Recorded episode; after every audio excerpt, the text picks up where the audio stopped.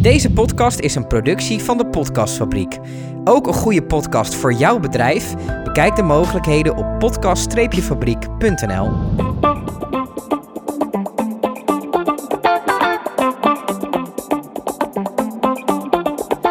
Bij Gedeeld door Twee, de podcast waarin normaal gesproken twee niet-generatiegenoten, door hun ouders Diederik en Stefan genoemd, een onderwerp waar ze matig verstand van hebben, proberen te duiden met iemand die er wel veel verstand van heeft. Maar vandaag doen we het ietsjes anders. Naar aanleiding van ons gesprek met Lex Hoogduin, vandaag ook aanwezig, over de complexiteit en onzekerheid bij de coronacrisis, ontstond een discussie op Twitter, waarna we besloten om een panelgesprek te gaan organiseren. En dat doen we vandaag met dus Lex Hoogduin, maar ook met Marino van Zelst en Wilhelm Kolkman.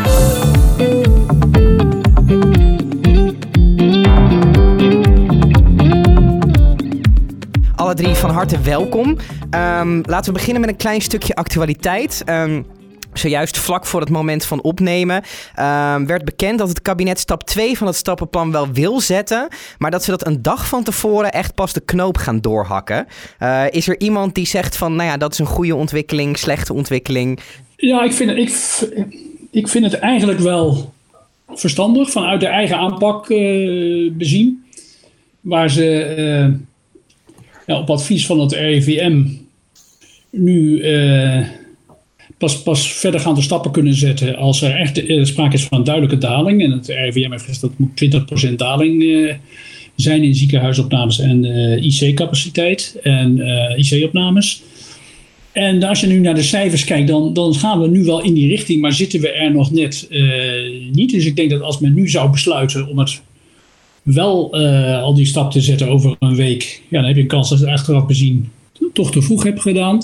Als je nu zou besluiten om het niet te doen, dan ben je misschien over een week heb je uh, spijt. En een week is best, best lang om het niet te doen. Dus ik vind het binnen de aanpak eigenlijk wel een slimme, een slimme opzet. Of je in een dag ook zeg maar, je helemaal kunt voorbereiden dat het is. Dat is natuurlijk de vraag. Hè? Dus je kunt ook zeggen, op een hele slimme manier stellen ze nog een week uit. Of in ieder geval nog een aantal uh, dagen. Dus ik vind, ik vind het wel, wel, wel slim eigenlijk. Ja, en dan bedoel je dus bezetting van bijvoorbeeld een pretpark of een dierentuin. Daar moet je je personeel voor regelen, et cetera. En die, dat moet je dan een dag van tevoren gaan organiseren. Ja, of je moet de gok nemen dat het wel, uh, wel, wel doorgaat. Maar in ieder geval word je met een wat extra onzekerheid geconfronteerd. Maar vanuit het kabinet bezien denk ik dat het, uh, ja, omdat het een beetje, als ik de cijfers nu, nu goed zie, een klein beetje. als je de RIVM zou volgen, een klein beetje een. Uh, ja, je, zit, je zit een beetje in het schema duister van net wel of net, uh, net niet. Dus dat, is, dat, dat is misschien niet zo gek. Uh, als je gewoon een echt gedisciplineerde aanpak volgt, zeg je nou nee, we zijn er nog niet. Gewoon volgende week verder kijken. Dat zou ik zelf hebben gedaan, maar, maar zo, zo is het wat voor fase van de, van de pandemie zitten we nu eigenlijk? Nou ja, kijk, wij nog het vorige stuk. Het is natuurlijk het optimum van reactief, uh, reactieve pandemic response. Zeg maar. Als je gewoon per dag gaat kijken hoeveel mensen in het ziekenhuis liggen en daar je complete beleid op gaat baseren.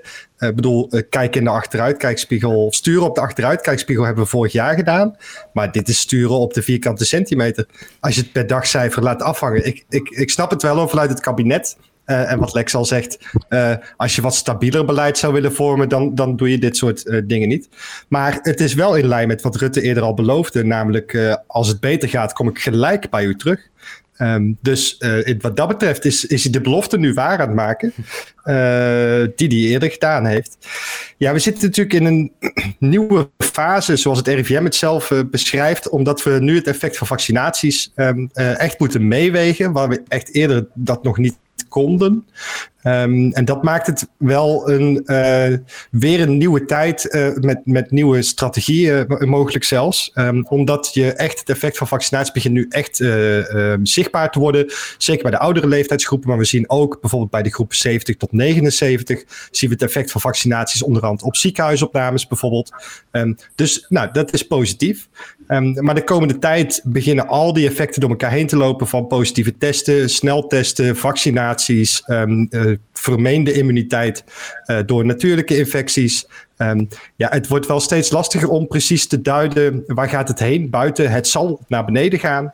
Ehm, maar hoe snel, dat is de grote vraag. Wat ik nog een interessante vind, uh, Marino, je begon, uh, en ik, ik zag je er een klein beetje bij glimlachen, over vermeende immuniteit. Uh, jullie hebben een paar weken geleden Hugo de Jonge te gast gehad bij een podcast die jij maakt. Um, daar stelde hij aan het eind van de podcast, en dat kan je denk ik het best zelf vertellen, stelde jullie een vraag. Het was een beetje een soort opdracht. Het was eigenlijk een heel raar momentje. Um, zijn jullie daarmee aan de bak gegaan en kan je dus even introduceren wat Hugo de Jonge aan jullie vroeg? Ja, hij begon eigenlijk met uh, de, de vraag in te uh, leggen de, aan de cijferfreaks. Want zo, zo noemde die ons dan. Ja. Hè? We, zijn dan de corona-podcast over coronastatistiek en coronabeleid bij uh, Signaalwaarde. En we hadden het met, met Hugo de Jonge Um, over hè, van wat, wat gaan we de komende tijd doen en wat wordt ons beleid. En hij zei, nou, we nemen natuurlijk ook het effect van immuniteit mee. En uh, we gingen op een gegeven moment kijken naar, kunnen we het beleid als succesvol of niet succesvol klassificeren? Nou, hij was ervan overtuigd dat het een succesvol uh, verhaal was natuurlijk. En één onderdeel van die claim was dat hij zei: uh, We hebben in Nederland veel immuniteit opgebouwd door vaccinatie en natuurlijke infecties. Terwijl de sterfte niet uh, zeg maar extreem uh, bovengemiddeld was. Dus hij zei dus de sterfte is redelijkerwijs in lijn met andere landen. Alleen wij hebben meer immuniteit door natuurlijke infecties. Later die week zei Vet Grapperhaus, uh, maakte de vergelijking met Duitsland en Denemarken. Waar hij zei, Duitsland heeft 10% immuniteit um, en Denemarken heeft 5% immuniteit. En daardoor kunnen ze later open. Nou, toen vroeg hij aan ons, kunnen jullie dat nou eens doorrekenen eigenlijk? Dus dat wij een, een, een, hogere immuniteit met sterfte hebben. En de implicatie daarvan is dat onze IFR, hè, dus de infection fatality ratio, lager zou zijn dan in de landen om ons heen, zoals Duitsland of Denemarken of België. En daar zijn maar twee mogelijkheden waardoor dat eigenlijk uh, situatie is. Eén, onze zorg op COVID-gebied is heel veel beter. Dus we hebben een soort wonderlijk medicijn gevonden, wat we niet tegen de rest hebben verteld. Nou, dat lijkt me onzinnig. Um, en de andere uh, mogelijkheid is dat wij infecties bij groepen door hebben weten te drukken, die daar niet aan overlijden. Oftewel, wij zijn redelijk goed geweest in het targeten van groepen uh, qua infecties, die daar niet aan overlijden, waardoor je dus wel immuniteit zou opbouwen en minder uh, de sterfte op hetzelfde niveau blijft. Ja, dat is een beetje um, een bijzondere conclusie, want dan zou je dus de aanname moeten doen dat wij onze infecties hebben kunnen targeten. Nou, daar zijn heel veel discussies over in den landen en daar heb je allerlei opinies over of dat het geval is. Maar dat is eigenlijk de enige optie waardoor dit een plausibele hypothese zou kunnen zijn. Ik heb later in een andere aflevering gezegd: ik ga het niet uitrekenen. Um, want daarmee legitimeer je eigenlijk ook de, de claim van immuniteitsgebouwen. Ja, daar ga ik toch niet uh, aan meewerken. Ik heb wel vorige week eindelijk het draadje geschreven wat ik al weken in de planning had over hoeveel mensen zijn er nou tot nu toe overleden. En ik kwam uh, tot een redelijk geïnformeerde schatting van 30.000 mensen. Wat gewoon wel echt ontzettend veel is. Ja. Ja, want als je, als je dat dan even heel kort uh, afzet. En, en, en natuurlijk, je kunt naar een heleboel uh, parameters kijken. Maar kort afzet tegen een aantal andere landen, vooral in West-Europa, zeg maar. Hoe, hoe doen we het dan? Of hoe hebben we het dan gedaan? Um, de korte samenvatting is: buiten, je wilt niet in België en de Verenigd Koninkrijk wonen, maar daarna uh, is, is, Nederland staat wel uh, aan de top, zeg maar. Um, hè, dus, dus als we kijken naar Frankrijk, Italië, Spanje, Nederland, dat is allemaal een beetje hetzelfde uh, niveau. Ja. Duitsland is echt lager. Um, als je kijkt naar, uh, hè, dus, dus niet het, het, aantal geregistreerde sterfgevallen, want daar zit heel veel verschil in. Maar als je kijkt naar oversterfte en modellen daarvoor schat. Nou, in de Scandinavische landen buiten Zweden uh, hebben ze het echt fenomenaal beter gedaan. Dus dan heb ik het echt over Denemarken, Noorwegen, Finland. Zweden zit een beetje op hetzelfde niveau als wij, iets lager. Uh, maar we, we hebben het zeker niet fantastisch gedaan. Dat, dat durf ik wel te zeggen. Nee, ja, dan moet je dan ook de, de, de economische kant natuurlijk ja. ook bekijken. Hè? De, de, economische kant en de, wat tegenwoordig de brede welvaart uh, heet. Dus niet alleen maar het BBP. Maar als je naar het BBP uh, eh, kijkt om te beginnen, dan heeft Nederland het in vergelijking met die groep westerse landen uh, eigenlijk best redelijk gedaan tot nu toe. De daling van het BBP is vergelijkbaar in de cijfers tot nu toe met, met wat we hebben gezien in de crisis in 2008, 2009. Wat onder de 4, 4% Wat veel is, maar de vrees aanvankelijk was dat het veel hoger zou uh, zijn. En er zijn landen om ons heen waar het ook veel hoger is. Nou is die vergelijking tussen landen is heel erg lastig. Als je een land hebt wat relatief veel afhankelijk is van contactberoepen of toerisme. Ja, dan gaat het al uh, gauw veel uh, sneller uh, verkeerd. dus binnen de westerse wereld is dat niet slecht. Voor landen die een, een veel actiever beleid hebben gevoerd met betrekking tot, tot het virus, is het, is het niet een goede uitkomst. En ik zou het vingertje willen opsteken en zeggen van kijk, kijk uit, want we hebben ook een heleboel aanpassing opgehouden. Als je kijkt naar de werkloosheid zoals die nu is, die is eigenlijk nog steeds op een historisch laag niveau, omdat natuurlijk heel veel bedrijven in stand zijn gehouden doordat lonen voor een groot deel overgenomen zijn door de overheid en allerlei andere regelingen zijn, uh, zijn opgetuigd. En als je ook bijvoorbeeld als je kijkt naar het aantal faillissementen, dat was vorig jaar op een gegeven moment zelfs lager dan in 2019.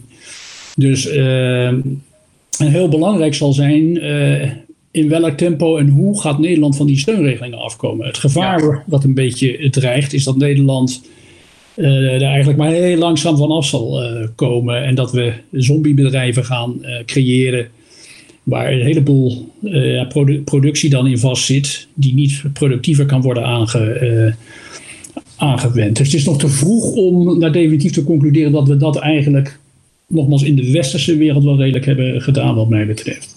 Ja, ja precies, precies. Ja, plus, en, en dan zou je natuurlijk sowieso nog veel breder moeten, moeten kijken, want er zijn zoveel aspecten. Hoeveel mensen zijn, uh, houden daar uh, long COVID, langdurige ziektes aan, aan, aan, over? Hoeveel mensen zijn natuurlijk op IC's beland, die, uh, nou ja, daar kan natuurlijk ook long COVID uitkomen, maar in ieder geval die, die, die langdurige klachten. Hoeveel mensen zijn niet in het ziekenhuis opgenomen, die later weer behandeld worden? Dus er zijn natuurlijk daar zijn zoveel aspecten nog in mee te nemen natuurlijk, die het totaalbeeld uiteindelijk geven, toch? Ja, ik wilde even, dat is misschien even een mooi bruggetje. Want Lex, wij hadden natuurlijk, uh, Steven en ik hadden met jou uh, al uh, eerder een, een, een, podcast. En daar wilde ik ook even kort mee beginnen. Toen zei je al, hè, want we zeiden, nou, de, de, de corona-aanpak. En niet alleen in Nederland overigens, er is in veel, nou ja, West Je mag niet meer het Westen, hè, Westers mag je niet meer zeggen tegenwoordig. in, in, in ieder geval veel Westerse landen, ga ik toch even zeggen, is die natuurlijk politiek gemanaged over het algemeen. Even heel kort door de bocht gezegd, maar dat is uh, toch wel redelijk waar, denk ik. Um, wat, jij, wat jij al zei eigenlijk was, het grote probleem is, het, is, uh, het wordt niet als een wicked problem gezien eigenlijk. Hè? In, heel, heel in het kort. Kun je dat nog eens, ik vind dat even een goed startpunt nog even voor wat verdere discussie. Kun je daar nog eens kort op ingaan? Wat het precies inhoudt voor de luisteraar die dat niet weet. Ja, misschien moet ik het ietsjes algemener inderdaad uh, in, inleiden. Dan kunnen we later ja. inzoomen. Uh, er, wordt, er wordt je kunt een onderscheid maken tussen complexe, wicked problems aan de ene kant en wat ik maar meer noem traditionele uh, problemen. En dat, het, is van belang dat onderscheid te maken omdat die uh, wicked problems een andere aanpak vergen dan traditionele problemen. En misschien is Hans om eerst hoe, hoe wordt een traditioneel probleem, hoe wordt dat aangepakt? Nou, in eerste instantie is er dan altijd een eenduidige, heldere definitie van het probleem. Ja. Uh, daar begint het mee. En dat is helder wat, welk, wat het probleem is. Uh, en vervolgens schakel je dan doorgaans een aantal experts in, in een bepaalde discipline. En die gaan uh, gegevens verzamelen. Die gaan een model bouwen, of die gaan een analyse maken. En daar komt dan een oplossing uit. Dus het is een heel lineair proces. Dan heb je die oplossing. En daar doe je een mooie strik omheen. En die geef je dan aan degene die die oplossing moeten gaan uitvoeren. Dus de experts die kunnen het hele probleem uh, oplossen voor je. En dan kun je het uitvoeren. En er kan een hele duidelijke scheiding zijn tussen oplossing genereren en het uitvoeren. En het is klaar op het moment dat de oplossing verzonnen is, uitvoering is. Het doet er eigenlijk niet zoveel toe uh, je kunt het probleem helemaal op de tekentafel oplossen. Nou, dat is allemaal niet zo bij een uh, wicked problem. Daar kun je een heleboel uh, kenmerken van, van, van geven. Die zal ik niet allemaal gaan opnoemen. Dat voert een beetje te ver. Maar wat van, wat van belang is dat het, het probleem is niet eenduidig te bepalen. En verschillende belanghebbenden bij het probleem, betrokkenen, stakeholders zoals je tegenwoordig zegt, die kunnen een, een heel verschillende kijk hebben op wat het probleem eigenlijk is en wat ze eigenlijk willen in het kader van dat, uh, van dat vraagstuk. Het heeft dan ook heel vaak allerlei aspecten en op, in de loop van de tijd zie je ook dat de, de aard van het probleem ook nog eens kan veranderen. Hè? Als je nu bijvoorbeeld kijkt naar het, de coronavirusuitbraak, hè? als we dat even het vraagstuk noemen, nou, dan is dat een, een virologisch vraagstuk. Het is een epidemiologisch vraagstuk. Het is een economisch vraagstuk. Uh, zoals jij al aangaf, het is een politiek vraagstuk. Het is een logistiek vraagstuk. Het is een juridisch vraagstuk. Het is een ethisch vraagstuk. Enzovoort. Enzovoort. Ja. ja. Uh, enzovoort. Uh, heel vaak speelt bij die wicked problems dus een die, uh, het punt dat er uh, heel verspreide kennis is. En ook heel uh, verspreide voorkeuren van alle belanghebbenden. Verspreide kennis en heel beperkte kennis. Heel beperkte kennis die niet te vatten is, in ieder geval in bijvoorbeeld meetbare kansverdelingen. Of dat je, wat je netjes kunt vatten in één alomvattend model, wat je vervolgens al dan niet met gebruik van een computer kunt gaan oplossen. Nou, daar komt voor het, uh, dit, dit, speelt allemaal bij het coronavirus uh, ja. vraagstuk. Het heeft ook niet een duidelijk eindpunt. Zo'n uh, zo'n vraagstuk gaat niet ergens een bel af van nu is het, nu is het opge opgelost. Zoals gezegd, het verandert onder je handen. onder de interventies die je doet. En daar komt nog een keertje bij, denk ik hier in dit specifieke geval, is dat het vraagstuk zelf, in ieder geval in fases, heel duidelijk niet lineair is. Het is een exponentieel proces, zo'n virus uit. Met een hele korte verdubbelingstijd potentieel. Uh, dat gaat in termen van weken. Hè? Als je bijvoorbeeld bij een ander complex, als het klimaat kijkt, dan heb je het over horizonnen van, van decennia. Hier gaat het over horizonnen van weken. En dan moet je ook nog eens in, in beschouwing betrekken dat er vertragingen zijn tussen je interventies en het effect dat je, uh, dat je ziet. En tenslotte, uh, wat, wat uh, dit een, ook weer een specifiek complex uh, vraagstuk maakt, is dat dit een vraagstuk is waarbij je een zogenaamde gevaar hebt van een catastrofe, discontinuïteit.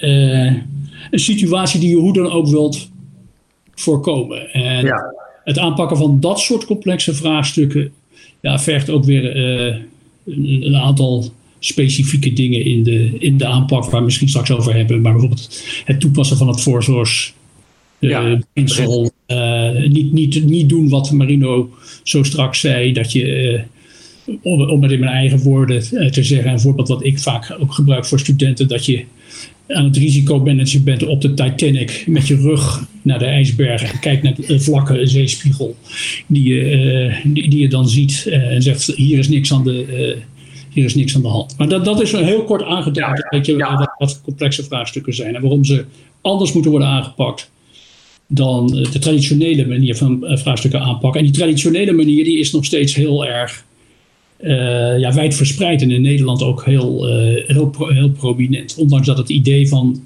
wicked problems, ja, dat komt uit de jaren 70 van, uit de planologie van mensen als Webber en, uh, en Rietel met name. Ja, precies. Nou, dank. Dat geeft alvast een hele mooie, hele mooie start. Um, Helder, Wilhelm, jij bent um, in het bedrijfsleven, ben je ook met dit, met dit hele uh, aspect, met dit hele onderwerp uh, bezig? Of in ieder geval, uh, het, het, raakt daar in ieder geval aan wat je doet. Kun, ja, dat klopt. Hoe, hoe, ja. hoe kijk jij, ehm, nou misschien kun je daar heel kort even over iets vertellen, of niet in detail, maar en hoe kijk jij dan naar hoe dat tot nu toe toegepast is, of dus niet, in zijn geheel wellicht, in Nederland of andere westerse landen?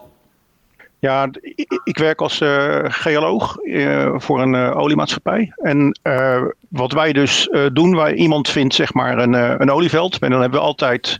En dan vervolgens is de vraag hoe gaan we dat ontwikkelen en hoe gedraagt zich dat in de toekomst. En dan heb je dus precies wat Lex zegt. Je hebt een hele beperkte dataset. En je hebt dus grote mate van onzekerheid. Dus ehm, voor ons is het gegeven dat we niet alles weten. En, en dan ga je anders ding, naar dingen kijken als dat je de illusie hebt van uh, ik kan dit uh, bestuderen en ik kan alles uh, snappen. En ja. over de, met de tijd ontwikkelt je kennis en, en pas je aan. En, en ik denk dat ja, de, in dat soort vakgebieden heb je dat. Ik denk dat mijn buurman die is, heeft een, een leidinggevende functie bij Defensie. Uh, dat soort mensen denkt ook in dat soort termen. Ik bedoel, in een oorlog is natuurlijk ook een, een hoop uh, onzekerheid. En je tegenstander reageert en dan veranderen dingen. Dan moet je aan aanpassen. Ik denk mensen in de zorg ook. Bijvoorbeeld mensen die op een ambulance zitten. Die, die moeten natuurlijk ook ergens heen zonder dat je precies weet wat er gebeurt en hoe dingen zich ontwikkelen. Dus ik, ik herken, dat is een van de dingen die ja, mijn reflectie op, op COVID een beetje, denk ik, is dat er zijn wel degelijk uh, bedrijven of takken van de overheid die ermee om kunnen gaan. Ja. Maar er zijn, denk ik, in het klassieke, het lineaire denken, dat, dat is denk ik ook iets wat uitstekend past in een wetgevingsproces. En, en, en ja, daar zijn natuurlijk een hoop uh, beleidsmakers comfortabel mee. Maar uh, in, in een COVID of in een, in een moet je denk ik dat, dat beleidsmakende, dat, dat kan je, moet je loslaten. Want omdat je het niet volledig snapt en het zich ontwikkelt, kan je daar niet uh, zo'n lineair proces op loslaten. En ik denk een ander punt wat belangrijk is en wat ook wel duidelijk geworden is, is dat je ja, je kan niet zeg maar de, de, de beleidsmakers of de studiegroepen of de experts loskoppelen van de uitvoering. En op het moment dat je dat wel doet en dat die communicatie lastig wordt, of, of uh, dan wordt dat uh, iets doen, iets uh, kijken hoe het zich ontwikkelt, aanpassen, die loop, die wordt dan heel moeilijk. Ja. En, en dan, dan zie je dus dat nou, als je dan zo'n virus hebt wat zich zo snel ontwikkelt en wat verandert, dan, dan ben je gewoon te laat.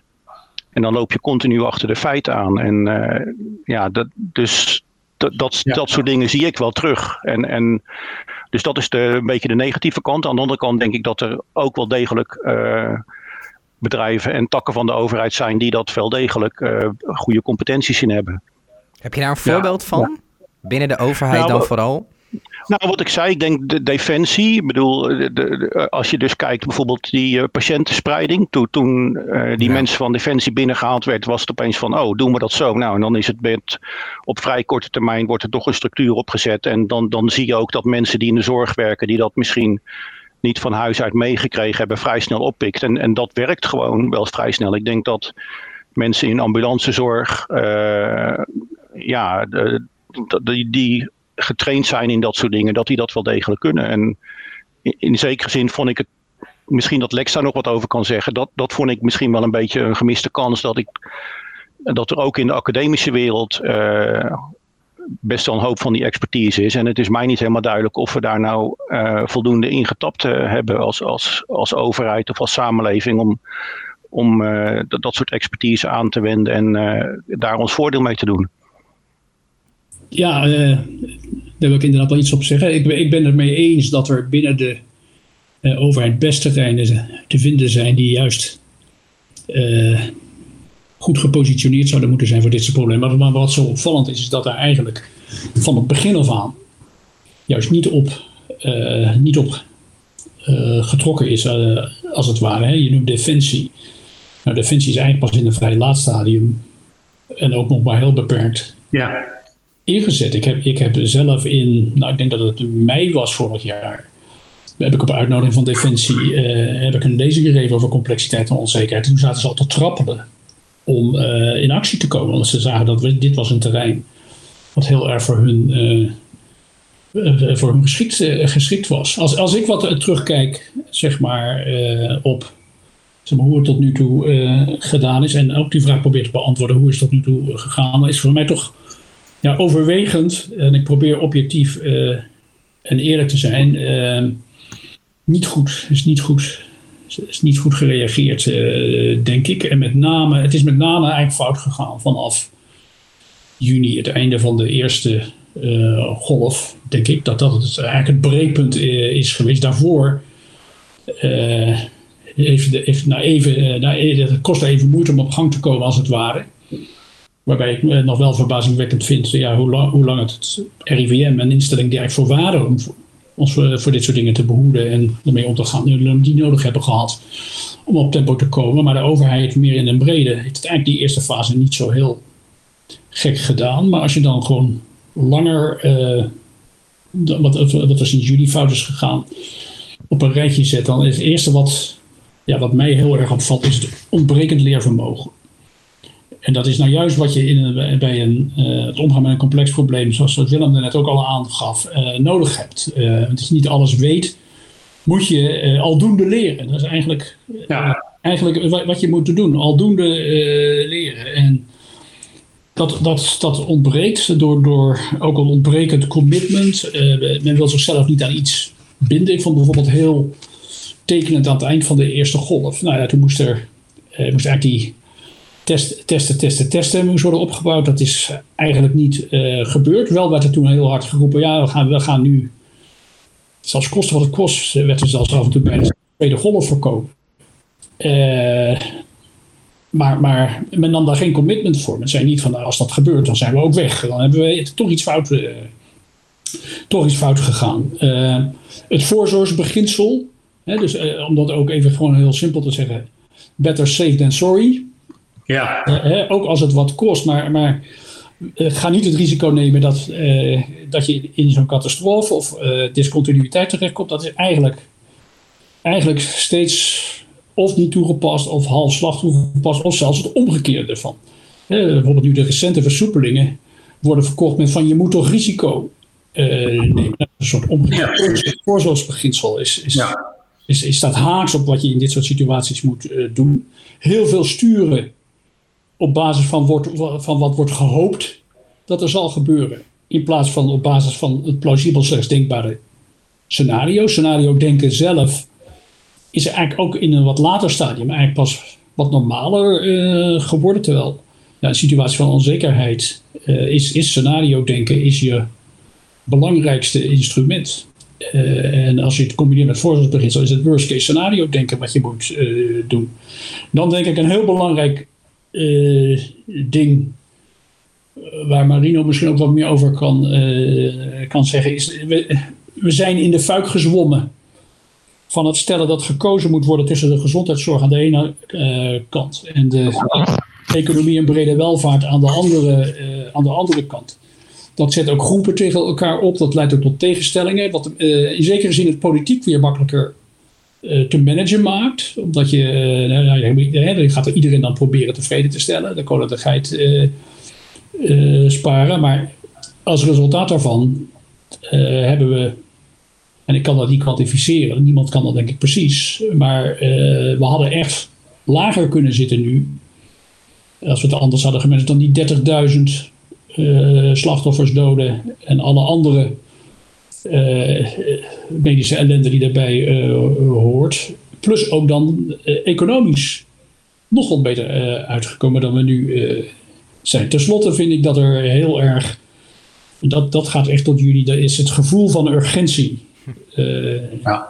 is verspeeld en de discipline die is verzwakt en steeds te weinig te laat doen. En, en ja, dat zijn toch voor mij de dingen die, die bij mij overheersen. En ik vind het heel moeilijk om meer positieve dingen te doen, uh, noemen. Uh, als, als ik die moet noemen, dan zitten die meer aan het economische vlak. Dat er heel snel in, die eerste fase uh, ja, grote economische steunprogramma's zijn, zijn opgezet, die ook heel effectief zijn gebleken. En dat, dat was heel goed. Waarbij het voordeel van Nederland was dat we dat ook goed konden doen doordat we hele diepe zakken uh, hebben economisch gezien.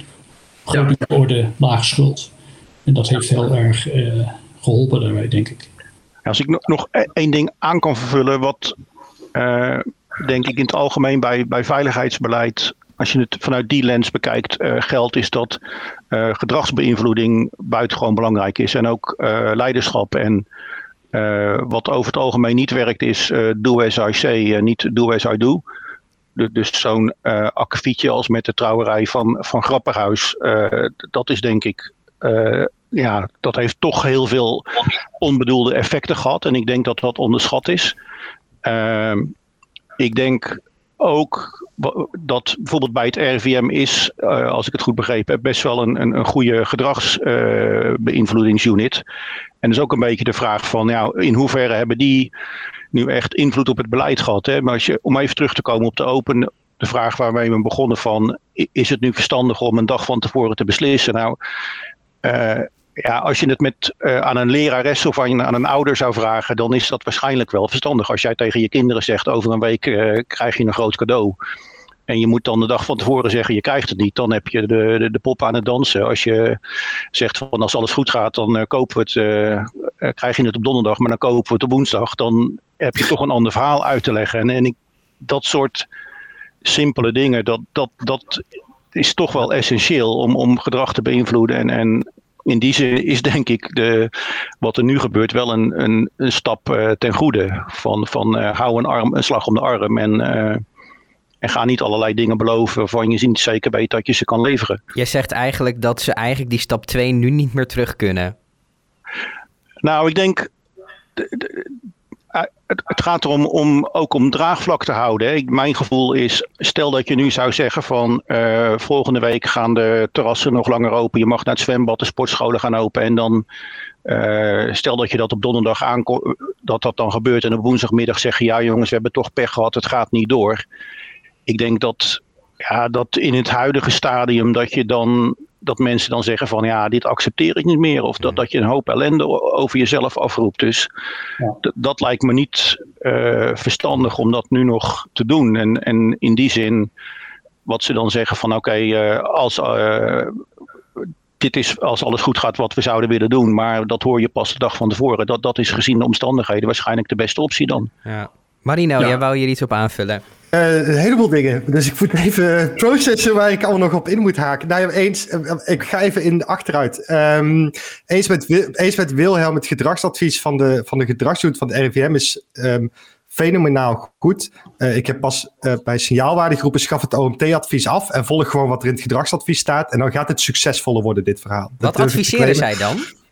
Nou, één ding wat zij uh, adviseerde en wat interessant was, wat ze dik gedrukt drie keer in het advies zette voor stap 1 van de versoepelingen, was uh, stuur op data, geen datums. En het kabinet doet precies ja. het tegenovergestelde. Ja. Um, maar dat was echt dik gedrukt, drie keer in vier paginaatjes stond het. Nou, ik bedoel, duidelijker wil je het uh, niet hebben.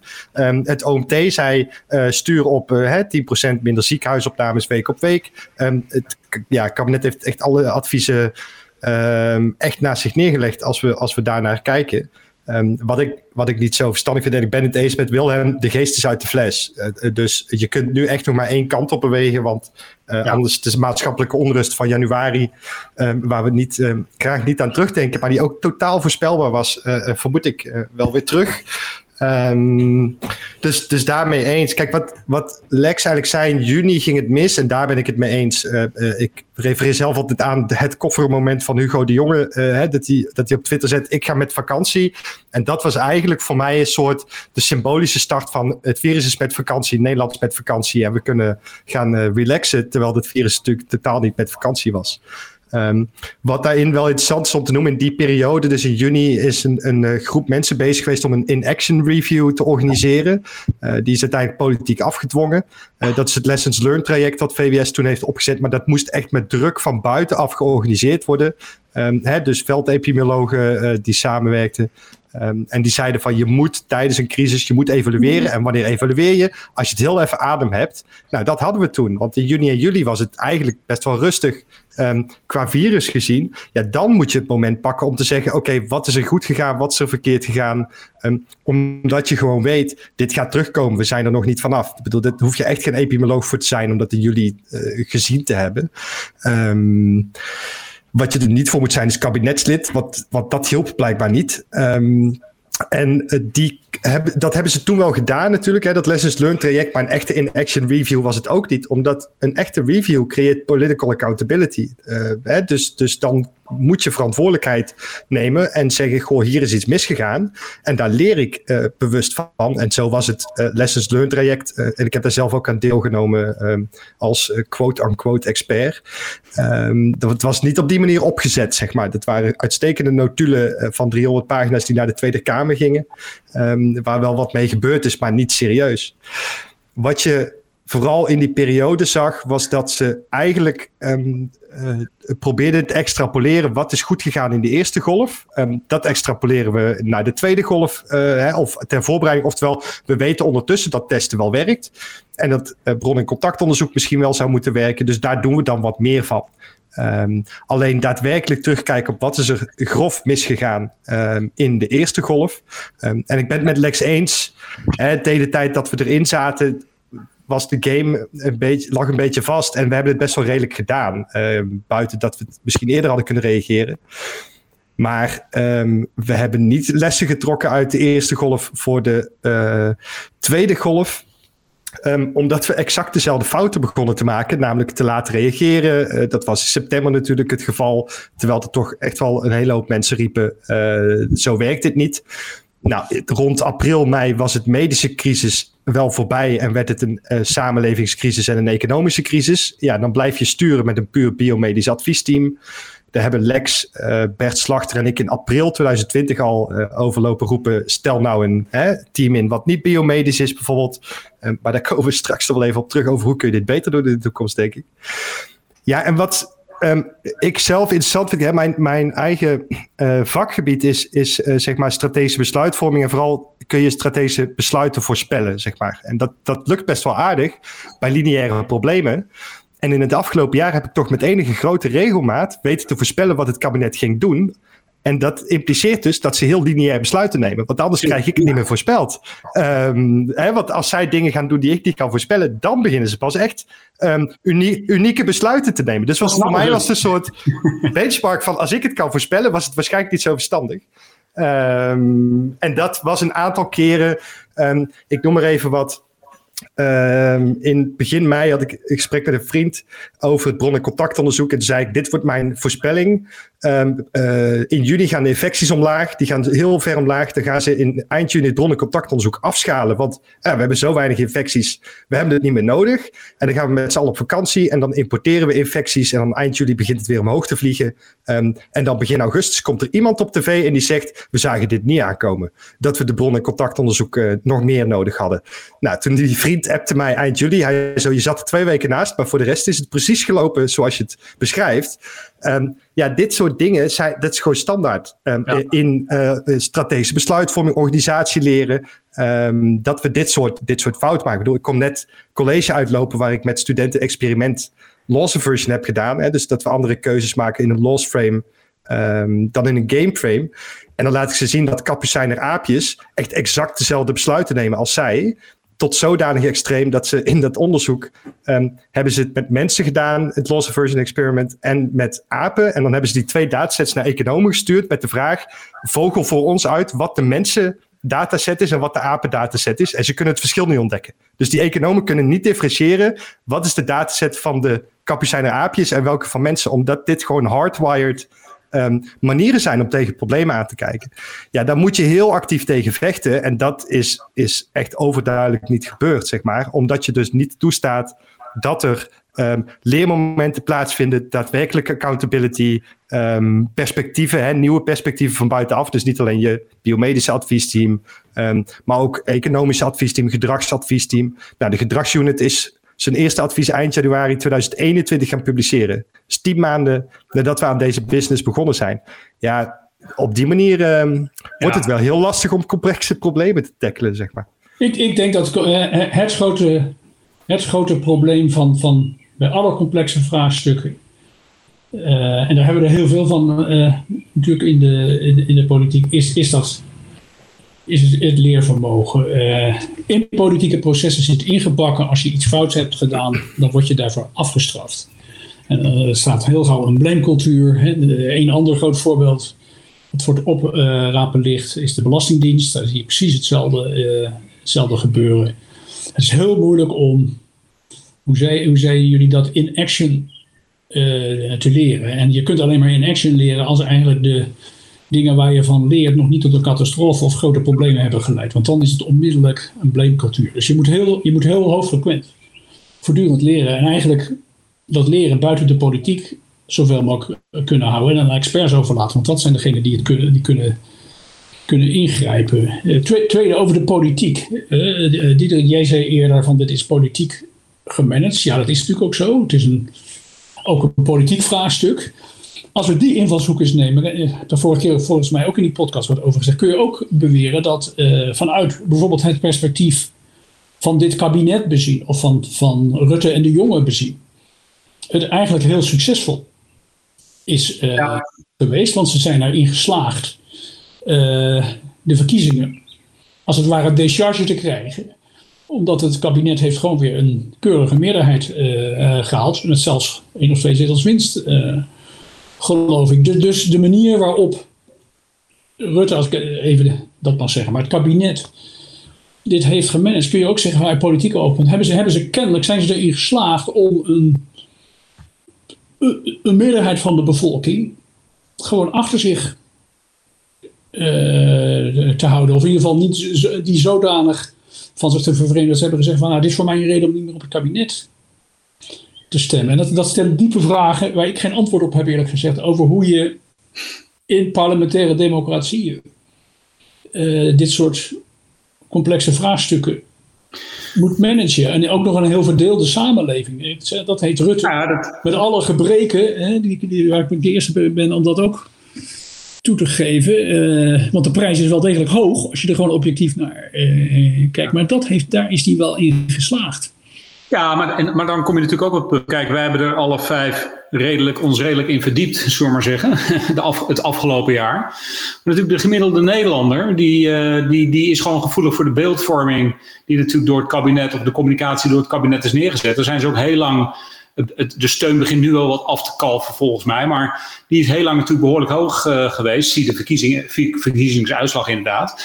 Um, maar um, ja, de meeste mensen denken ook aan de buitenkant. Nou, volgens mij, uh, volgens mij doen we het wel, uh, hebben we het ook wel redelijk gedaan. Hè? En dat is misschien op zich ook wel zo. Maar die zitten er natuurlijk ook helemaal niet zo diep in. Dus die laat zich veel eerder met een kluitje het riet insturen natuurlijk. Ja, nou, maar het geeft het, geeft het belang aan, denk ik, van communicatie in het hele ja. In het hele proces en beeldvorming. Ja. Ik denk dat meer in het algemeen het zo is dat dit, zeg maar, de, de afgelopen kabinetten Rutte, die heel erg sterk uh, hun besturing uh, berust, berust op beeld. Op beeldvorming. En ook meer en meer, uh, ja, zeg maar, heel, heel duidelijk van welke informatie verstrek je niet. Welk, tot, tot soms liegen aan, aan toe, maar ook veel subtielere vormen eh, van uh, woorden een andere betekenis geven. Ik vind van uh, een van de mooiste voorbeelden. Indamstrategie. Indam, het woord ja. indammen. Uh, ja. Hoe daar ja. is gezegd. Op een gegeven moment ook in, in, was het in de november, december dat Rutte repte over een grote hamer die werd. Ja, ja, ja. Werd, werd, werd de hamer en de dans. Ja. ja, nou ja, en dat is dat. ja. dat ik denk dat het communicatie gewijs werkt het. Hè? Dus ook, ook, ook richting, nou, bijvoorbeeld richting de RIVM. Op een gegeven moment als RIVM met klem ontraadt om iets te doen. Vervolgens uit te leggen dat wat, wat je gaat doen uh, eigenlijk heel dicht ligt bij wat het RIVM uh, eh, voorstelt. En daar ook mee weg, uh, ja, wegkomen. Ja. politiek is dat... Ja, los, los van de ethische kant ervan is, kun je ook zeggen het is heel erg knap. En ik denk dat heel veel mensen um, ook wel denken, nou ja, we zitten in een pandemie, daar, daar vallen slachtoffers. Dus dat er een bepaald soort acceptatie is in, oké, we moeten een balans vinden tussen aan de ene kant hoeveelheid slachtoffers en aan de andere kant ons leven zoals we dat kennen, zoveel mogelijk voortzetten. En dat de algemene beeldvorming is dat de balans daarin, hoe mensen dat ervaren in hun eigen leven, um, eigenlijk best wel oké is. Dat er zijn wel maatregelen, maar het grootste gedeelte van mijn leven gaat wel aardig door. En aan de andere kant, ja, eh, er, zijn een, er is een pandemie, dus, dus er overlijden ook mensen. Dat mensen het idee hebben, nou, die balans hebben we wel aardig gevonden. Ja, dat wordt altijd die rare tegenstelling, een soort van... Um, je hebt de, witte jassen in het kabinet, wordt er dan in de media altijd gezegd. Uh, die dat, dus dat zijn eigenlijk Hugo de Jonge, Vert Grapperhaus en, en Mark Rutte. Die vertegenwoordigen dan de, uh, de zorgkant, bla bla. Dan heb je de drie W's uh, in origine, die dan een soort. Het moet open, de economie moet draaien, et cetera. Ja, heel simplistisch gezegd: zieke mensen kunnen niet werken. Uh, dus een maatschappij waar veel ziekte heerst, uh, is ook niet de maatschappij waar de economie kan draaien. Uh, dat is de hele simpele manier om het, om het uit te leggen waarom gezondheid en economie en maatschappij niet, niet tegenovergestelde zijn van elkaar. Maar dat beweegt zeg maar allemaal tegelijk. En daardoor vind ik het afzetten van, ja oké, we doen dan een beetje gezondheid managen, totdat het beheersbaar is. En dan kunnen we ook de economie laten draaien. Ja, maar als je dat lang genoeg doortrekt, wat natuurlijk te verwachten was in een pandemie, dan weet je in die end dat, dat het zo niet werkt. Wat ik altijd wel interessant vond was um, uh, Jacinda Ardern, dat is de premier van Nieuw-Zeeland. Um, die schetst het voor mij vond ik heel, heel mooi. Die zei van, hè, mijn chief science advisor, dus haar, Jaap van Dissel zeg maar even. Die kwam in maart naar mij toe en die zegt, goh, als wij een flattende curve strategie gaan volgen, dan hebben wij met zoveel bedden te maken, zoveel sterfgevallen. En zij kijkt naar het plaatje en zegt: Ik vind dat hoog en ik vind dat onacceptabel en wij doen dat niet. Punt. Kijk, dat, is leiders, dat is leiderschap en je zet een duidelijke target. Wat zij deed ehm, en wat wij hier. Ehm, eh, en ik noem het maar de Nederlandse zesjescultuur, die ook doorspeelt in de pandemiebestrijding. Zij zetten een hele ambitieuze target, namelijk: ik accepteer geen enkele besmetting. Ehm, dat is heel ambitieus. Ik denk dat het hier extreem ambitieus zou zijn. Maar wat je daar ziet, is daarna wel consistent gedrag. Oftewel, er is, uh, op een gegeven moment hebben ze nul besmettingen, uh, geen het transmissie onder de bevolking, alleen nog maar import. Nou, die kunnen ze managen met quarantaine aan de grenzen. Op een gegeven moment is het toch ergens household transmission. Hè? Dus, dus er is ergens toch een besmetting er doorheen gelekt. Zelfde dag komt zij op tv. Eerste zin die zij uitspreekt: Beste mensen, er zijn vier besmettingen gevonden. Dit is een absoluut falen van het systeem. Ja, En Rut, Rutte gaat morgenavond aankondigen: lieve mensen, er zijn 6000 besmettingen, 200 ziekenhuisopnames, we gaan versoepelen. Zeg maar. Even dit, om het elkaar af te zetten. En ehm, wat je daarmee bereikt met zo'n extreem ambitieuze target, en dit doen we stretch goals um, in organisatie leren, um, is met normale doelen blijf je voornamelijk doen wat je al deed, maar ga je optimaliseren. En met stretch goals, dus extreem ambitieuze doelen die eigenlijk gewoon onhaalbaar zijn, word je daardoor gedwongen om te denken: oké, met de normale manier van dingen doen, ga ik het sowieso niet halen. Dus moet ik met iets totaal nieuws aankomen om uh, een bepaald doel te halen. Ja, en dat. Um, denken uh, is hier toch uh, ook weer niet zo heel succesvol gebleken. Um, alleen, ja, ik noem het zelf altijd maar Nederlandse zesjescultuur. Alhoewel het hele, heel veel westerse landen hier schijnbaar toch wel last van hebben gehad. Ja. misschien, misschien kan ik daar even op aanhaken van. Um, zeg maar, als je vanuit uh, beslissingswetenschap naar complexe problemen gaat kijken, dan is, zijn er ook best wel technieken die zich bewezen hebben hoe je dan beslissingen moet nemen. En een van de, uh, ja, de, van de belangrijke dingen daar is dat je ook duidelijk bent over je waarden of over je besliscriteria. En, en dat debat heb ik in Nederland ook gemist. Kijk, als je, er is wel een doel gesteld. Maar ik denk dat wat het voorbeeld wat je van uh, Nieuw-Zeeland aanhaalt, dat, dat is niet zozeer een doelstelling. Volgens mij zit daar een waarde onder dat je zegt het menselijk leven is ons veel meer waard dan. Uh, of, ja, is ons heel veel waard, zelfs een hoop economische schade. Nou, en als jij dat zegt en je zegt van nou, aan de hand, uh, dat is een belangrijke waarde, er zijn nog een aantal andere waarden, dan is het ook uh, duidelijk, uh, denk ik, waar je voor gaat. En, en dat is op zichzelf ook verbindend. En, en, en dat hebben we natuurlijk in Nederland niet echt gedaan in mijn optiek. En dat debat hebben we ook ontlopen.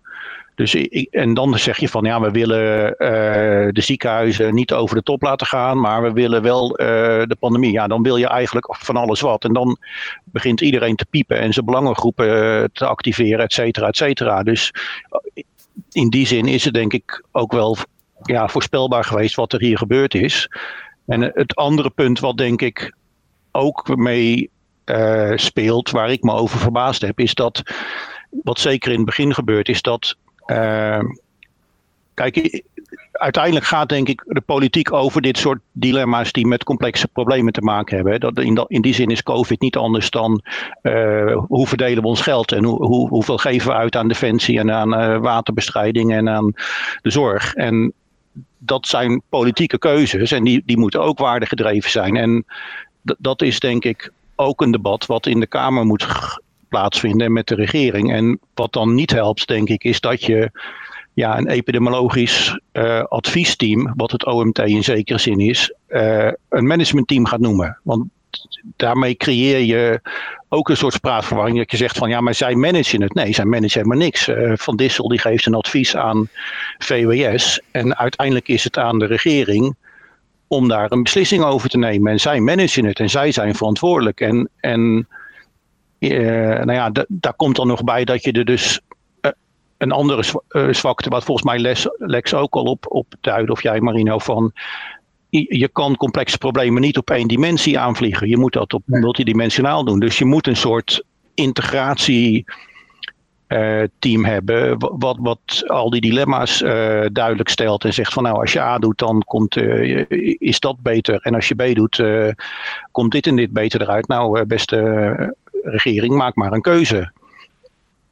En, en, uh, en, en, leg het maar uit in het parlement. En als het parlement er mee eens is, ja, dan, dan hebben we het democratisch proces is gevolgd. En dan kan je denk ik ook terug naar de burger gaan en zeggen van ja jongens, dit is wat we gezien de omstandigheden, gezien wat we met z'n allen belangrijk vinden, wat we gaan doen. En, en ik, ja, mijn idee zou toch zijn dat dat wellicht veel meer duidelijkheid en veel meer uh, draagvlak had kunnen leveren.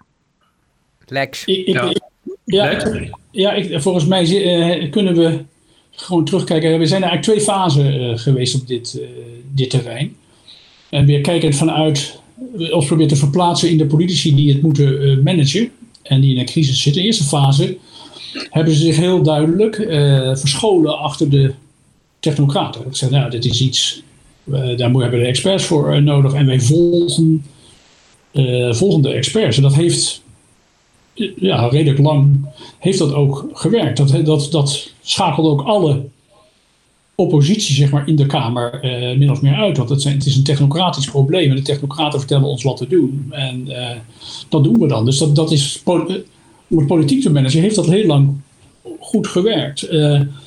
Vervolgens werd dat toch lastiger en toen zijn we in die fuik gezwommen van de uitruil. En toen, ja, toen was het ineens uh, onontkoombaar, zou ik bijna zeggen, voor het kabinet om ook naar andere disciplines te gaan, uh, te gaan luisteren.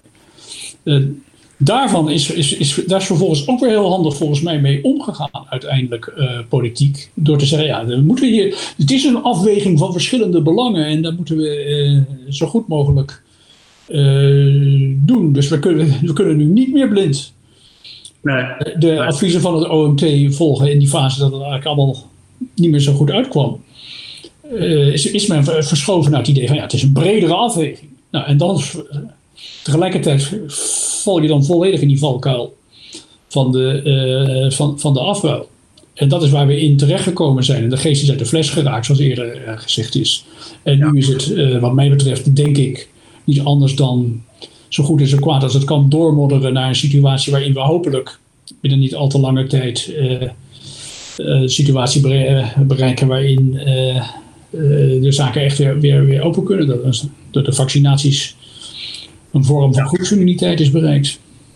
Hey, ik, ik, zag, ik zag, en dat is ook meteen even een, een, een bruggetje natuurlijk naar wat, wat dan allemaal beter moet. We hebben al wat dingen aangestipt. Um, er stond een fantastisch artikel, long read in de New York Times afgelopen weekend van um, Zeynep die is ook professor, uh, schrijft ook veel over wicked problems trouwens. Um, en het ging over het erkennen van uh, de transmissie via uh, aerosols, hè, wat een, een hele hoop professoren en wetenschappers. Ik had zelf ook vanaf het begin van de pandemie al regelmatig calls met een, een professor in, in Washington Hey, vergis je niet in opiniepeilers, hè, die erin Ja, ja, in opiniepeilers. Ja, exact. Nee, maar goed, over uh, de, de, de aerosoltransmissie natuurlijk. Maar uh, waar veel uh, medische wetenschappers zeiden... ja, maar we moeten eerst 100% bewijs hebben... voordat we dat kunnen accepteren, et cetera, et cetera. Terwijl het al zeer waarschijnlijk was. En volgens mij komen er dan ook iets op... en wat, wat jij ook in jouw model, Lex, volgens mij adviseert... aan onder andere bedrijven... Um, dat er veel meer een ondernemende uh, ondernemerschap, laat ik het zo maar even, uh, even, even noemen, of ondernemende mentaliteit nodig is. Uh, waarbij je, als ondernemer wil je ook niet alles eerst 100% bewijzen. Dan weet je op een gegeven moment, dit is met aan zekerheid grenzende waarschijnlijkheid waarschijnlijk zo, of nog niet eens met aan zekerheid grenzende waarschijnlijkheid.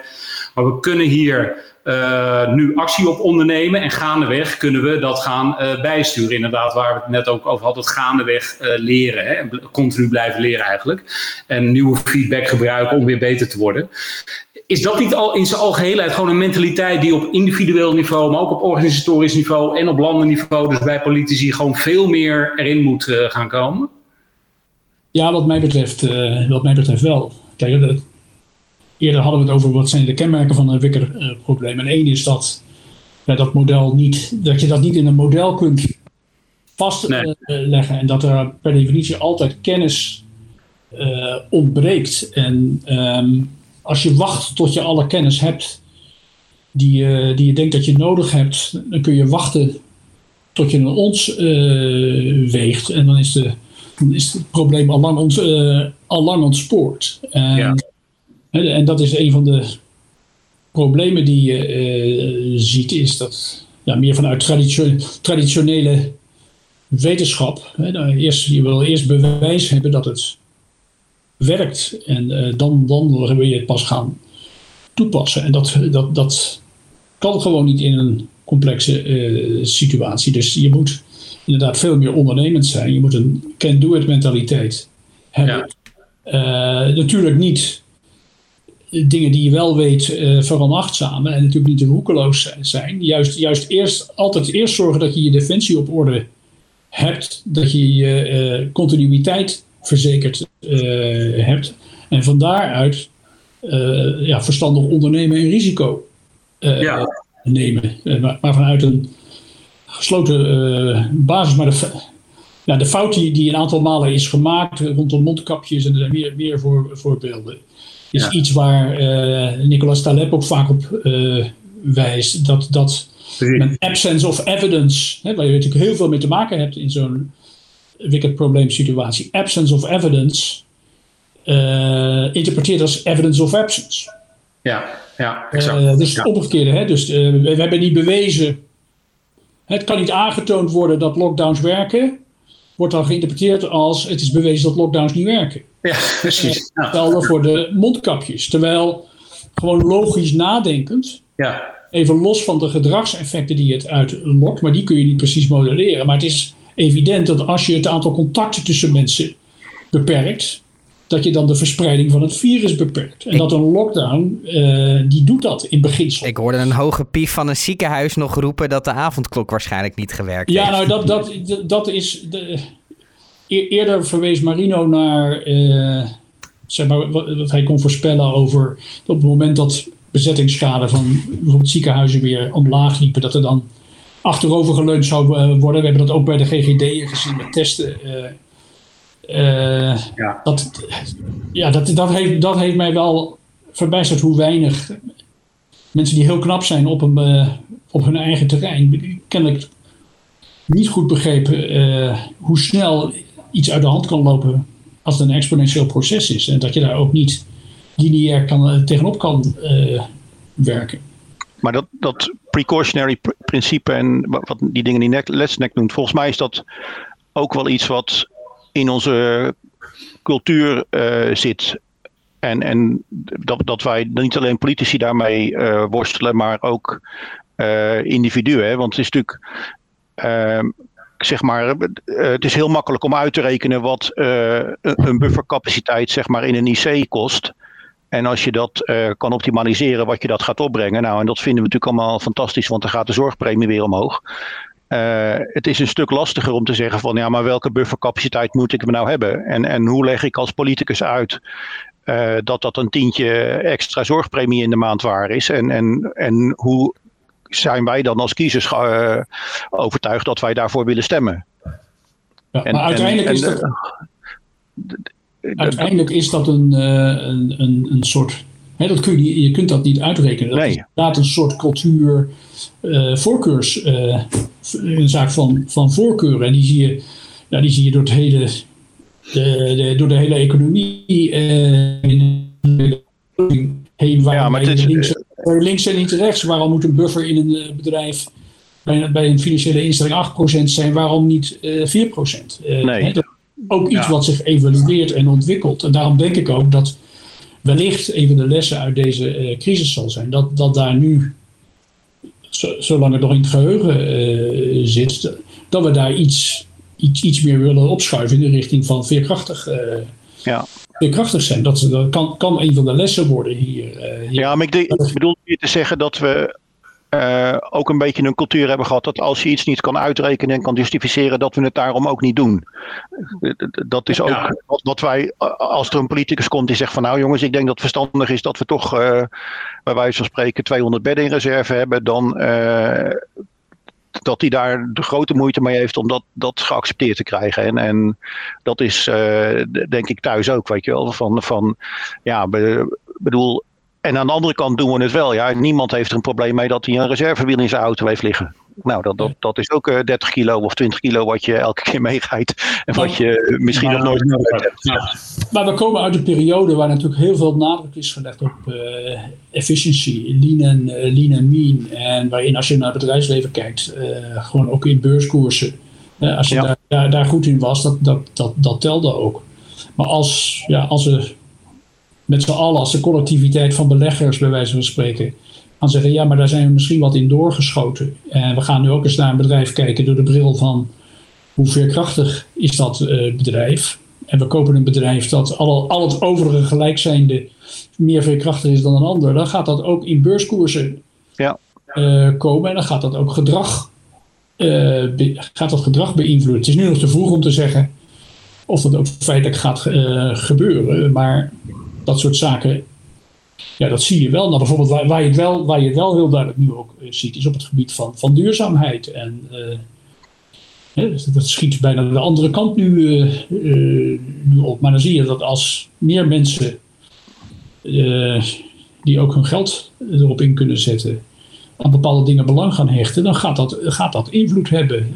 zo, zo werkt ja. kapitalisme. Ja, en dat is misschien ook ik had een discussie met een aantal uh, vrienden erover van, um, ja, heb je altijd een crisis nodig om uh, gedrag te veranderen of, of andere beslissingen te nemen? Hè? Van, en in die zin hebben we zeg maar sinds de Tweede Wereldoorlog in Nederland niet echt een grote crisis gehad, misschien afgezien van de, van de watersnoodramp. En, en in die, ja, aan de ene kant is dat uh, fantastisch, want dat heeft ons een hoop uh, welvaart en welzijn opgeleverd. Maar aan de andere kant heeft ons dat misschien ook wel, uh, ja, hebben we niet meer geleerd om wat, wat, de waarde is van die buffers, wat de waarde is van veerkracht, hoe je wel met crisis omgaan. En, en ja, een land als, als Israël heeft natuurlijk een hele andere omstandigheden wat dat betreft. En, en, daar staan mensen er denk ik toch anders in dan in, in een land als Nederland. Of, of neem uh, bedoel, ik heb zelf in uh, ontwikkelingslanden gewoond en gewerkt. Ja, daar, daar staan mensen toch heel anders in het leven dan uh, in Nederland. Ja, maar het zou natuurlijk niet af moeten hangen van een crisis. Kijk, het, het gaat, in, in, het gaat altijd om interne of externe urgentie voelen. En of dat nou op individueel niveau is of op organisatieniveau. Hè, dus op organisatieniveau, hey, we krijgen een, nieuwe, hoop nieuwe techspelers. Hè, kijk even naar de bankenwereld, komen een hoop, nieuw, hoop nieuwe techspelers. Externe urgentie, dan gaan ze veranderen. Veel te vaak komt de urgentie niet van binnenuit. Waarom? Omdat er een gebrek aan visie is en een gebrek aan ambitie. En, en diversiteit. ja. En, en, ja, nee, maar goed, en dat is dan nog een gevolg. Maar, dus dan wacht men op buitenaf, men wacht. En dan is, ben je vaak te laat, of in ieder geval laat. dat zie je dus nu ook weer bij dit. Dus die post naar aanleiding van het New York Times, ik heb nog, had ik nog een post over geschreven, precies hierover. Dus het is goed dat je dat even aanhaalt. Want, en dat is wel grappig, want dat zie je dus ook op individueel niveau. Als jij uh, uh, wil afvallen of wat dan ook, mensen wachten vaak totdat ze zich echt niet meer goed voelen bijvoorbeeld. Ja. Of, uh, uh, of, of neem een, een, ander voorbeeld, dat maakt verder niet uit. Uh, of ze weten, we moeten meer, vaker naar de gym. Ja, we kunnen ons er niet toe zetten. En dan wachten ze daar lang mee. Um, dus, dus die interne urgentie voelen, dat is kennelijk voor heel veel mensen. En dus ook voor politici en voor landen en voor organisaties een heel lastig, heel lastig ding.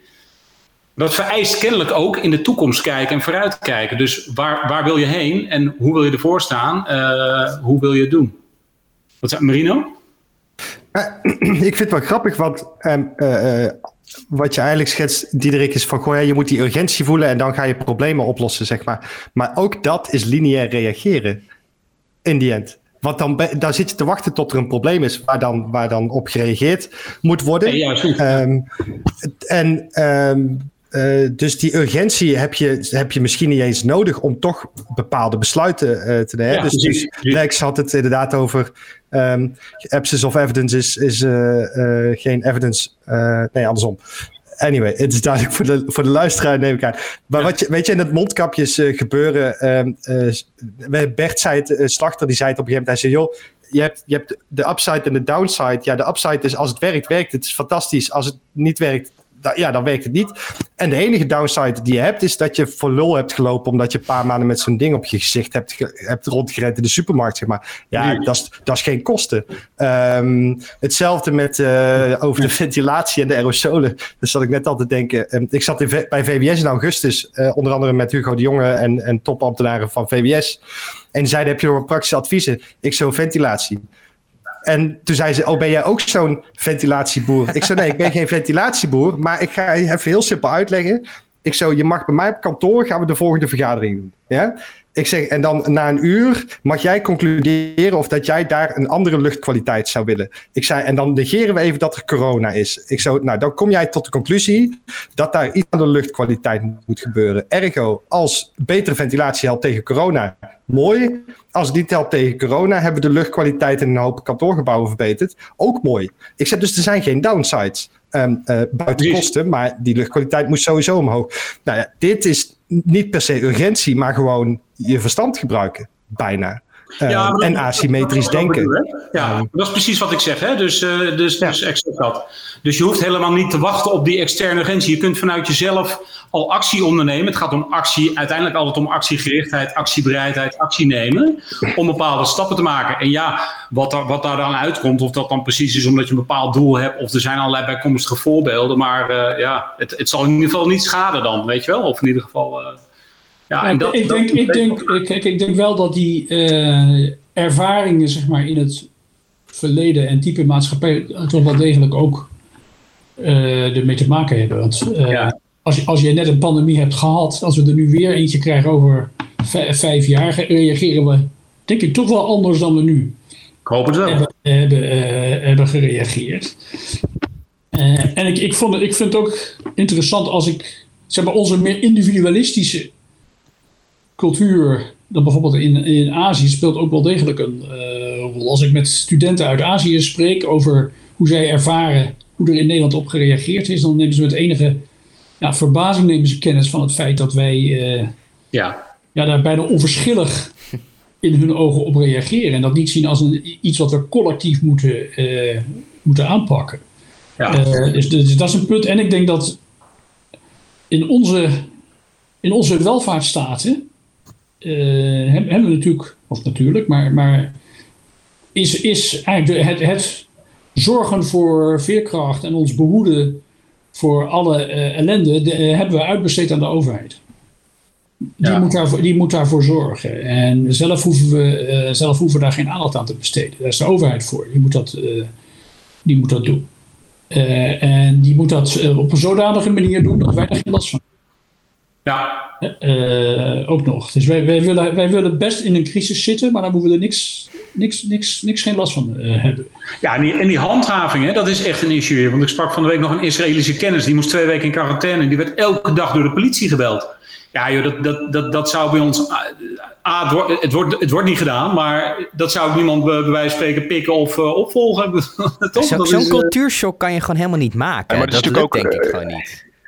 Ja, maar daar zijn we wel heel, daar zijn we zelfs in de meer individualistische, toch nog maar even het woord westers gebruiken, westerse cultuur vrij uniek in. Uh, dat, die handhaving die is, is bij ons, en, en boetes die er zijn, dat is ongelooflijk sloppy als je dat vergelijkt met, ook, ook met landen om ons heen. Maar is dat ook niet in, in vredestijd, om dat zo dan even te noemen, niet, niet juist mooi? Dat we daar een beetje sloppy in zijn. Dat die maatschappij eigenlijk in normale situaties, niet crisissituaties, best wel mooi doordraait op die manier. Ja, maar ik bedoel, uh, noem de landen om ons heen, maar die zitten, die zitten in bijna vergelijkbare ja. situaties. En daar wordt veel strakker gehandhaafd. Kijk ja. naar het VK, wat je daar aan boetes kunt oplopen als je je niet aan de regels houdt. Wat er nu in Australië voor boetes worden gezet als je terecht, uh, reist, noem maar op. Een collega van mij, die, of een aantal collega's van mij, die zitten in het Verre Oosten. En dat, dat is ook hoe je dat organiseert. Hè. Daar, daar is het gewoon van, uh, uh, wil je naar ons toe, dat is prima. Maar dan ga jij tien dagen in een hotel zitten op eigen rekening, stap je eruit. Dan zit je op het eerste vliegveld naar huis, vliegtuig naar huis. En dit is het hotel. En uh, je komt je kamer niet uit. Weet je, dan hoef je helemaal niks te controleren, want die mensen zitten daar gewoon. En dat.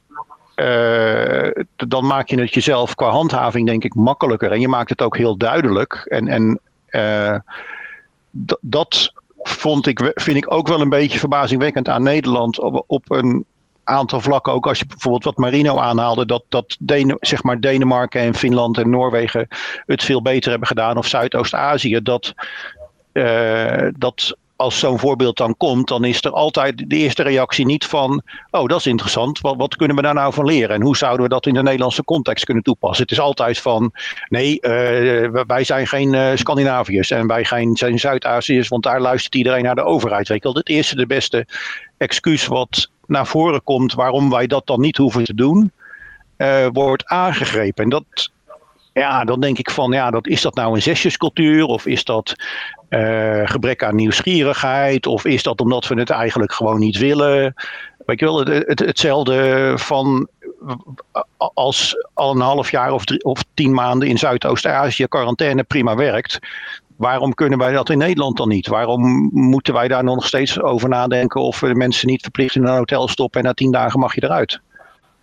Dat, dat vind ik verbazingwekkend. Ik ben benieuwd, uh, Marina, wat jij ervan vindt. nou ja, ik vind. Um, de, de, we hadden het even over die strenge maatregelen, die quarantaine. En dan hier hebben we lage boetes. En dan uh, zou hier het verhaal zijn van ja, maar je kunt dat hier niet opleggen. En dan denk ik, ik heb het afgelopen jaar de meest vrijheidsberovende maatregelen sinds de Tweede Wereldoorlog zo'n beetje meegemaakt. En dit krijgen we ook gewoon voor elkaar. Weet je, bedoel, met de avondklok invoeren was het drie dagen, ja. drie dagen knuppelen en toen was het op. zeg maar. Dus je kunt best wel extreme dingen doen in een crisis. Ik denk niet dat we dan een soort, oh, de vrijheidslievende VOC-mentaliteit Nederlanders, zeg maar, krijg, krijg, je geen verplichte quarantaine opgelegd. Het kan best, maar je moet het willen. Um, de, de, vraag is of je het wil, maar dat is een politieke discussie dan. Kijk, wat ik denk dat het centrale thema de hele tijd in ons gesprek hier is, is leren. Um, en het onvermogen om te leren. En um, kijk, mijn, ik promoveer op sturen op prestatieindicatoren. Um, en ik krijg dus heel vaak afgelopen jaar de vraag: Marino, welk land heeft het beter gedaan? Wat kunnen we daarvan leren? Ik zei: dit is de, dit is de vraag omdraaien. Dit is niet de goede vraag. Want wat je dan zegt is: ja, Nieuw-Zeeland heeft het hè, goed gedaan op medische indicatoren. Nou, ik denk dat Lex mijn lekenbril zegt economisch gaat het daar ook wel prima, hè, want de economie draait daar gewoon. Um, buiten toerisme dan misschien, maar dat gaat goed. Alleen, dit is totaal niet, totaal niet interessant, omdat Nieuw-Zeeland is onvergelijkbaar met Nederland. Dus je kunt landen niet vergelijken. Nederland en Noord-Rijn-Westfalen is misschien de enige vergelijking die je kan trekken qua Um, dat is een redelijke benchmark op allerlei, vak, uh, op, op allerlei vlakken. Hè? Demografie, vergrijzing, uh, uh, hoeveel inwoners, et cetera. Dus dat, dat werkt niet. Wat wel werkt, is kijken wat ging goed in een ander land. Um, dus niet welk land deed het beter en wat doen zij. En dat extrapoleren wij naar Nederland toe. Maar je kijkt welke practices werken succesvol in een ander land. Ja. Um, hè, centrale quarantaine, ik noem zomaar iets. Heel veel succesvolle landen deden dit. Um, en kunnen we dat kopiëren naar onze context op een bepaalde manier? Uh, uh, maar dat is omdraaien. Dus, dus waar we hier heel erg op gericht zijn, is kwantificeren van: oké, die indicatortjes gaan daar goed, dus ze moeten daar iets goed doen. Maar je kunt het ook omdraaien en zeggen: ik bestudeer de practices die ze doen, welke krijgen zij succesvol geïmplementeerd? Dan probeer je te begrijpen waarom. Um, en dat kopieer je en plak je uh, naar de Nederlandse context. Ik noem maar even iets. Uh, in Japan hebben ze heel erg uh, aan clusterbusting gedaan. Oftewel, hun bron- en contactonderzoek was niet zozeer gericht op het contactonderzoek. Dat doen wij ontzettend goed. Maar op het brononderzoek, hè, waar worden mensen besmet? Daar hebben ze extreem agressief op ingezet. Um, en dat werkt omdat je dan de hele keten van transmissie in kaart kunt brengen. En je heel goed kunt begrijpen waar worden mensen besmet. Wat zeggen wij hier? Iedereen thuis. Hè, dus 50% van de mensen wordt thuis besmet. Nou, dat duurt een jaar voordat er een artikel in het AD komt waarin staat... ja, uh, hè, als het moeilijk wordt met bronnencontactonderzoek... schrijf je gewoon thuis op uh, in plek van bruiloft uh, uh, met heel veel gasten. Ik noem zo maar iets. Dit was een jaar geleden totaal voorspelbaar dat dit zou gaan gebeuren. Want, ja, ja. zo werkt dit gewoon. Nou, dan kijk je naar een land als Japan, wat dat clusterbusting extreem succesvol heeft weten uit te voeren. Die hebben het echt tot en met november weten vol te houden zonder lockdowns, puur op basis hiervan. Um, nou, dat zijn ze blijkbaar goed in. Kunnen we dat kopiëren? Ja, ik denk het wel. Um, maar dat moet je dan willen. Dus, dus die, het leervermogen moet loskomen van accountability. Ik mag geen fouten maken. Waar word ik op cijfertjes afgerekend? Maar wat gaat ergens anders goed? Kunnen we dat extrapoleren naar hier? Ja, en dat soort zaken moeten we echt op orde zien te krijgen voor uh, crisis hierna. Marino, ja. um, afrondend. Uh, wanneer denk je dat je voor het laatste dagcijfers op Twitter gaat zetten?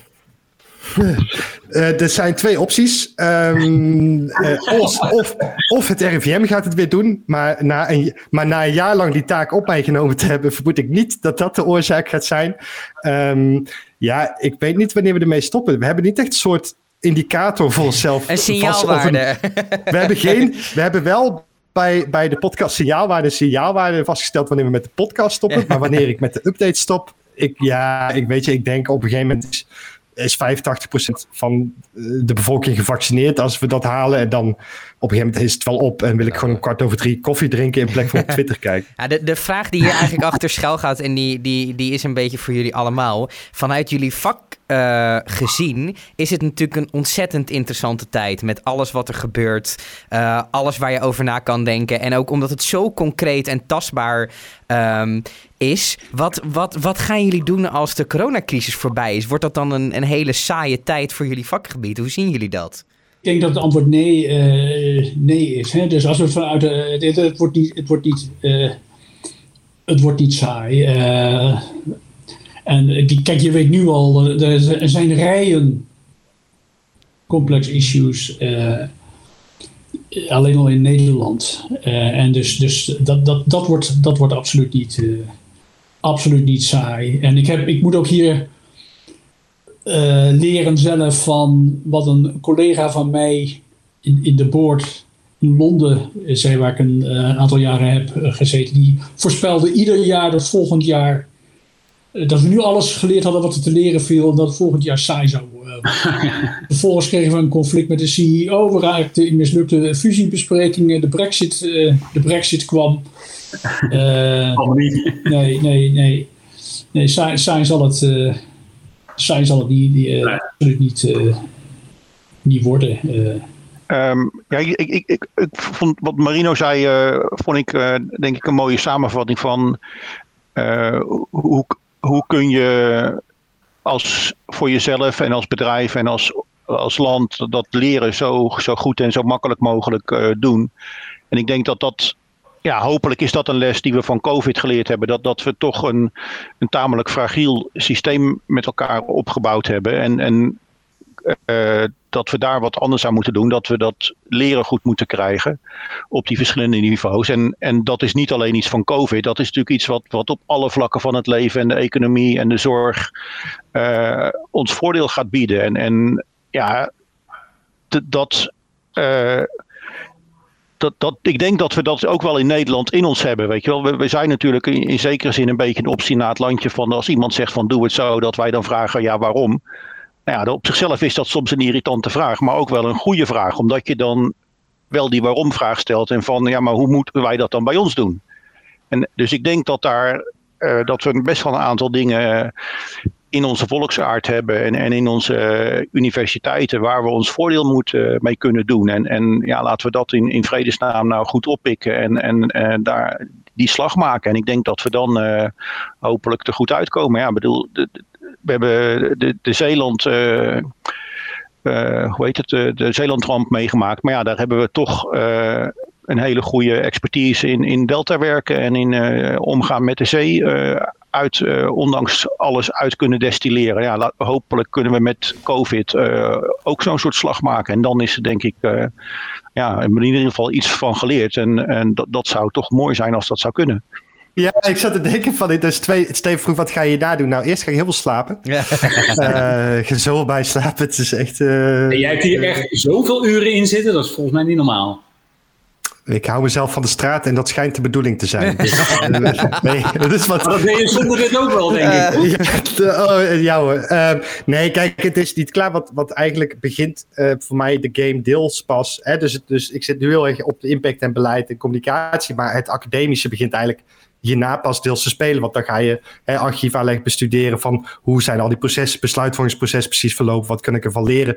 Eh, ik ben eh, op een gegeven moment eh, betrokken bij, bij GGD-evaluaties, waar we kijken van hoe krijg je het kennisnetwerk en de organisaties die aan de GGD gekoppeld zijn, beter georganiseerd voor kennisintegratie. Nou ja, de GGD stopt niet met functioneren na deze pandemie, want die hebben nog zat werk te doen. Nou, dat soort dingen, dat is de komende tijd ehm, voor mij nog steeds het spel. Dus, dus ik ben nog, de pandemie, als die voorbij is voor de, de Jan de Bakker om de hoek bij mij, is die voor mij echt nog niet voorbij, zeg maar. Maar vind ik niet erg, want het is eh, eh, een fascinerend thema.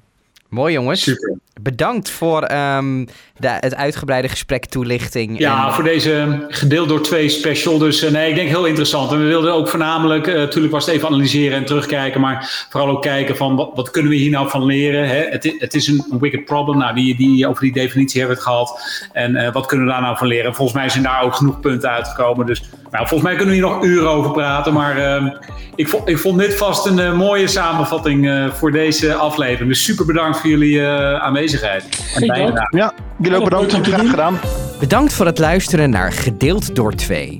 Wil je op de hoogte blijven van nieuwe afleveringen? Abonneer je dan op ons podcastkanaal via Apple Podcasts, Google Podcasts of Spotify. En vind je dit een leuke podcast? Laat dan een recensie achter. Bedankt voor het luisteren en graag tot de volgende.